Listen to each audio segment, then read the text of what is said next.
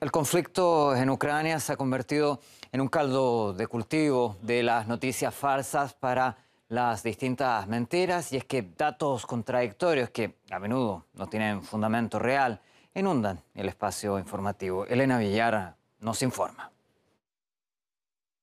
Estos días parece más que evidente aquello de que la primera víctima es la verdad. Son incontables los bulos y mentiras que se están publicando prácticamente sin descanso. En un mundo conectado a Internet, además, rápidamente se vuelven virales. Vamos a repasar algunos de ellos. Quizá uno de los más compartidos por medios y periodistas de muchos países ha sido el uso de este vídeo como imagen paradigmática de la despedida de una familia de un hombre ucraniano que se queda en su país para luchar contra Rusia. En realidad se trataba de una familia del Donbass que huía precisamente a Rusia para ponerse a salvo de los ataques ucranianos.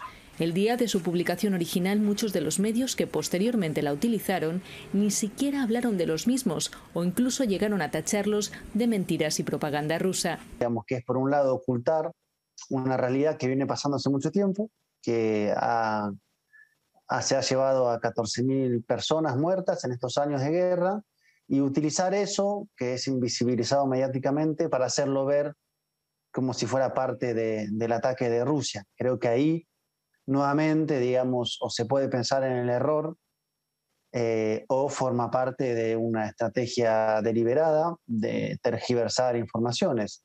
Pero no es el único ejemplo donde literalmente se le ha dado la vuelta al contexto de una imagen. También fue viral un tanque pasando por encima de un coche en Kiev. En un principio se utilizó para denunciar agresión rusa. Posteriormente resultó ser un tanque ucraniano. Existen más ejemplos en los que directamente se han alterado las imágenes de los blindados para cambiarles la marca y manipular. Otro de los recursos, utilizar imágenes de destrucción en Donetsk por parte de Ucrania y hacerlas pasar por ataques rusos en otras ciudades como Kharkov.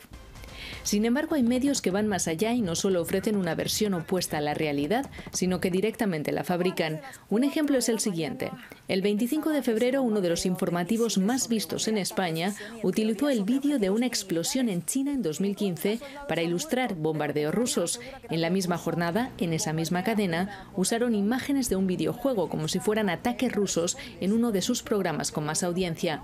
Al mismo tiempo, ese mismo medio de comunicación publicita tener un servicio de verificación de bulos en redes. Por supuesto, ni analizan ni comentan sus propios errores. Nunca tiene el mismo efecto, eh, nunca tiene la misma mm, impacto social y ciudadano y mediático desmentir un vídeo falso que meter un vídeo falso. Eh, es decir, un misil lanzado contra un caza en unas imágenes de videojuego son tan espectaculares que el relato de un señor diciendo ese misil no es verdad, sino que era un videojuego, es mucho más aburrido. Vence el primero, sin ninguna duda. Es decir, no, la opción nunca puede ser, eh, siendo un trabajo valioso, nunca puede ser esa eh, la, alternativa. Hay que crear otros mecanismos de rigor y de pedir, de pedir explicaciones y pedir responsabilidades a los medios para que no los emitan. Bueno, y sobre todo, evidentemente, como he dicho antes, que rectifiquen cuando lo han hecho. Una de las fuentes que está siendo más utilizada para viralizar mentiras es el conflicto palestino-israelí. Han hecho pasar como niña ucraniana ni más ni menos que a Het Tamimi, palestina que en 2012 se encaró con un soldado israelí y que años más tarde sería incluso condenada a pena de cárcel por su activismo. Televisa utilizó misiles entre Gaza e Israel como si fueran en Ucrania y una fotografía de una niña palestina herida fue viralizada como si fuera ucraniana. Otro de los recursos es directamente hacerse eco de la propaganda militar ucraniana sin verificar. Una de ellas, la historia de los héroes de la isla de las serpientes en el Mar Negro. La Armada ucraniana dio por muertos a sus soldados allí, les hicieron símbolo de la resistencia e incluso el presidente ucraniano prometió otorgarles el título póstumo de héroes.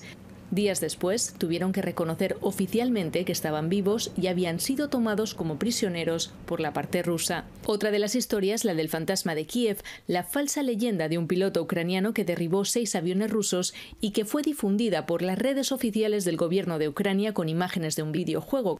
Otra más, la denuncia de que las fuerzas rusas habían bombardeado el memorial a las víctimas de una masacre nazi en la capital, un hecho que provocó la protesta de organizaciones mundiales e incluso fue citado en discursos de líderes en Naciones Unidas. Un periodista israelí desmintió posteriormente los daños. Otros bulos que Miss Ucrania se unió para combatir en el ejército utilizando como prueba una fotografía de una combatiente con una bandera siria o de la propia Miss portando un arma airsoft, la imagen de unos niños saludando desde una carretera con la bandera ucraniana como si fuera actual y circula sin control ni contexto desde hace años, o la fotografía de una joven portando un arma en un autobús como si fuera ucraniana, cuando en realidad es una modelo rusa que publicó La Instantánea hace dos años. Para hacernos una idea, solo en una web de verificación de vuelos española han detectado más de 60 relacionados con Ucrania en tan solo unos días, según la red de verificadores internacionales a la que pertenecen y que opera solo en algunos países, donde más han encontrado ha sido en España, India y Turquía. Tan solo la punta de un iceberg de mentiras que en muchos casos se han exacerbado con la connivencia incluso de grandes medios de comunicación. Elena Villar, RT, Estados Unidos.